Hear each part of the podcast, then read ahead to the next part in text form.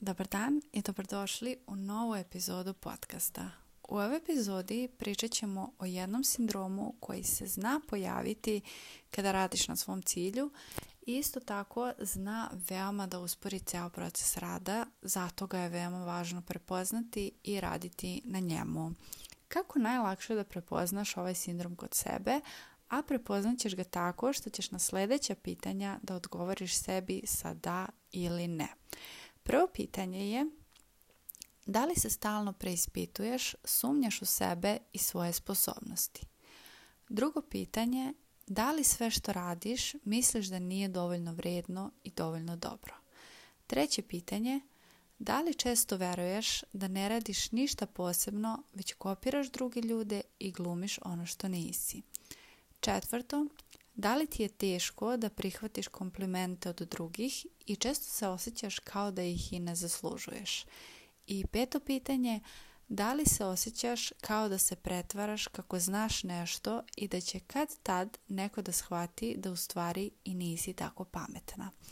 Ukoliko si odgovorila da na bar tri pitanja, moguće je da se kod tebe javlja imposter sindrom, kako ga većina zove, prevedeno sindrom prevaranta. Za početak, ako prvi put čuješ za ovaj sindrom, da objasnim ukratko šta je u stvari on. U psihijatriji i medicini termin sindrom koristi se da se lakše opiše neka klinička slika koja u stvari čini skup simptoma, odnosno dva ili više simptoma. A u ovom slučaju sindrom prevaranta je skup tri najizraženija simptoma, a ta tri a ta tri simptoma su strah od greške ili neuspeha, drugi je težnja ka savršenstvu i treća je težnja da se konstantno porediš. U suštini ono što je ovaj sindrom u suštini ono što ovaj sindrom čini specifičnim je glavno uverenje da će nas neko, da kažemo, provaliti i otkriti da smo prevaranti, da nismo savršeni i da pravimo greške koje nikako nisu dozvoljene. I bez obzira koliko si obrazovana i sposobna, non stop je prisutan taj strah da glumiš, da to znanje koje imaš si u stvari ukrala i nije tvoje i ako neko za to sazna, to će biti propast sveta jer će on odmah da kaže svima i svi će da znaju da si prevarant i da to što radiš nema vrednost i nije savršeno kao što se sve vreme to i predstavljala. Ovaj sindrom se po statistici negdje najviše javlja kod žena, što i ne čudi, jer su žene prosto kroz generacije i kroz odrastanje i vaspitanje prosto tako vaspitane da ne iznose svoje mišljenje i ako su to uradile, obično bi zbog toga bile ismevane, kritikovane ili bukvalno spaljene na lomači i prozvane kao veštice. I da, zbog svega toga iz prošlosti, žene i dan danas vuku teret i nije čudo što danas sa ogromnim strahom pokrenu nešto svoje, a velika većina se ni ne usudi da to uradi, čak i ako to jako, jako želi. Najčešće se on javlja kod žena koje su zaista sposobne i pametne, jer iz istih razloga što je žena bila pametnija i sposobnija, to je bila veća pretnja. I u skladu u skladu sa svim tim ni ne čudi što se kod zaista sposobnih, pametnih i obrano žena javlja ovaj sindrom. I ne kažem da se javlja baš kod svih sposobnih i obrazovanih žena, ali kod velike većine da. Zašto je to tako i šta je u stvari tu glavna osnova? Pa riječ je zapravo o jednom, da kažemo, mentalnom stanju koje nije poremećaj, nije bolest, već je prošto jedno mentalno stanje koja se naziva kognitivna disonanca. Šta je to? Kognitivna disonanca se javlja kada u isto vrijeme postoje dva mišljenja o sebi, u ovom slučaju koja su u međusobnom neskladu ili su u sukobu, konfliktu, znači dva mišljenja koja se ne slažu. U ovom slučaju sukobe se dva mišljenja, gdje jedno mišljenje glasi ja sam zaista sposobna i obrazovana, zaista sam kvalifikovana da radim ovo što želim i da bude veoma dobro u tome, a sa druge strane nalazi se mišljenje, odnosno sva ona uverenja koja su usvojena tokom odrastanja, poput nisi dovoljno dobra, nemoj da pogrešiš, ako pogrešiš to će biti katastrofa, drugi su mnogo, mnogo bolji od tebe i tako dalje i tako dalje. I s obzirom da ovaj nesklad, taka dva mišljenja, jedno mišljenje gdje vrednujemo sebe, drugo mišljenje gdje ne vrednujemo sebe, s obzirom da taj nesklad, ta dva mišljenja stvara ogromnu tenziju i nelagodnost, naš mozak da bi umanjio tu nelagodnost pronalazi najbolji način da smanji tu tenziju tako što će kreirati verovanje da si prevarant i da se pretvaraš da si zaista sposobna i pametna i tako nastaje sindrom prevaranta. I baš zato danas žene kada žele da pokrenu svoj biznis ili da rade na nekom svom velikom cilju, imaju ogroman strah da će ih ljudi, naročito one koje poznaju, ismevati i prozvati da glume i da se pretvaraju kako su pametne i kako sve znaju. I kako onda da se oslobodiš ovog sindroma u biznisu ili životu uopšte? Kao prvo, moraš da poslužiš te misli u glavi i odakle ti glasovi dolaze. Kada se nađeš u tom vrtlogu mišljenja šta će ko reći ili misliti, zapiši koji su to tačno ljudi koji će govoriti. Zapiši koji su to tačno ljudi koji će govoriti za tebe da ne vrediš i da glumiš, šta oni to tačno tebi govore.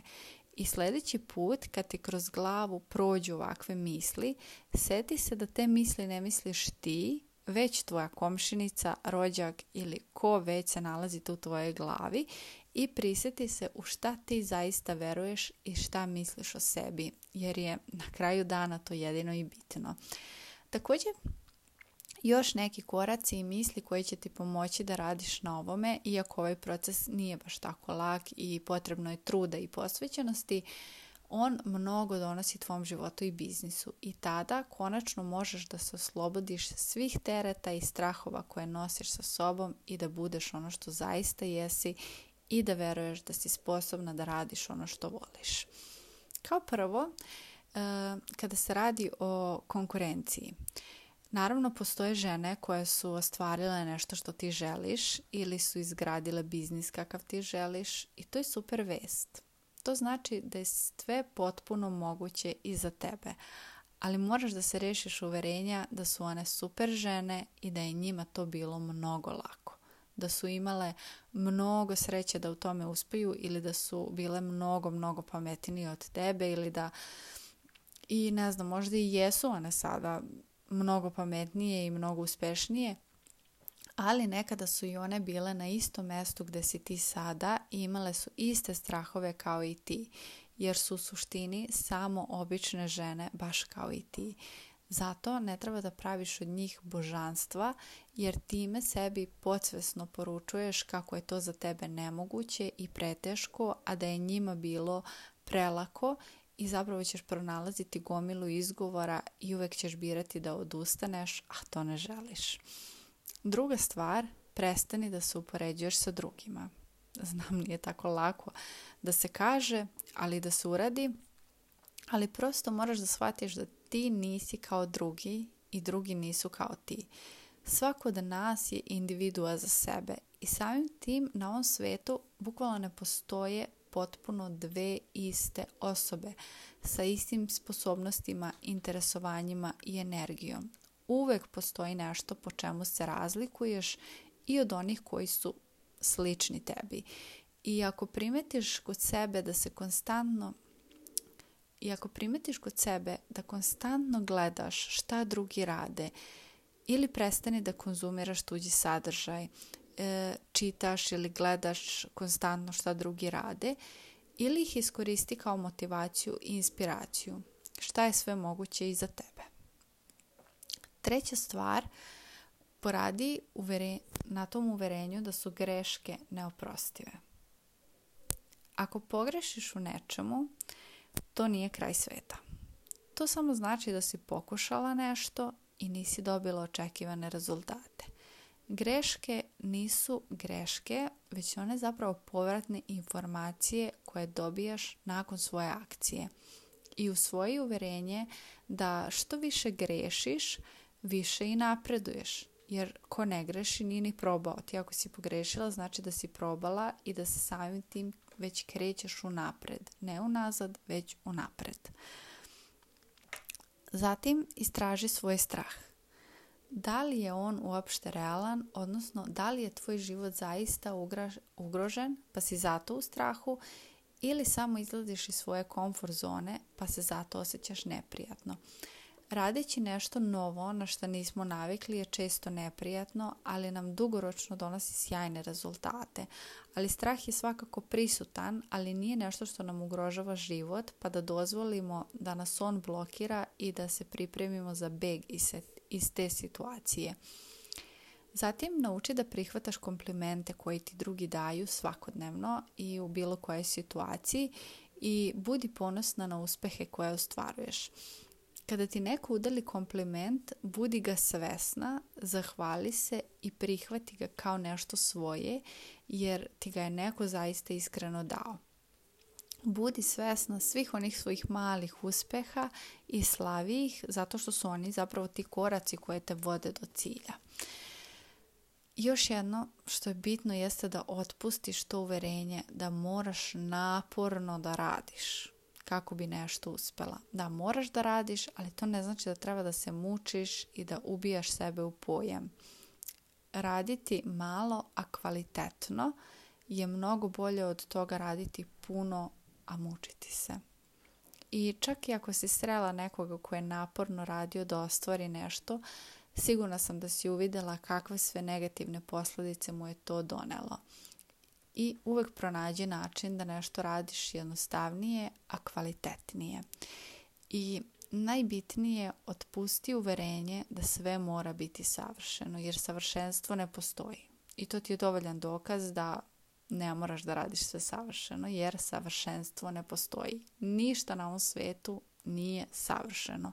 Sve ima neku manu, grešku ili šta god.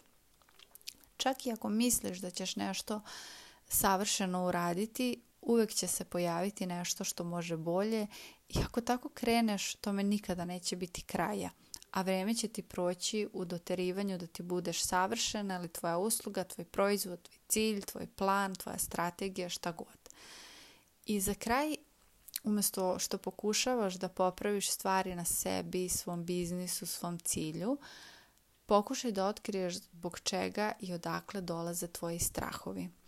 Ukoliko želiš da radiš na ovome i kreiranju misli koje te podržavaju ka tvom cilju, Pridruži se programu 90 dana do cilja i zajedno ćemo raditi na tome uz grupu žena koje se nalaze na istom putu na kojem se nalaziš ti. Program počinje 16. oktobra, a prvi grupni Zoom poziv imamo u subotu 21. oktobra. Prijavi se na link koji se nalazi u opisu profila, to jest u opisu ovog podcasta Prijavi se na link koji se nalazi u opisu ovog podcasta i čekam te tamo. Hvala ti na slušanju ove epizode.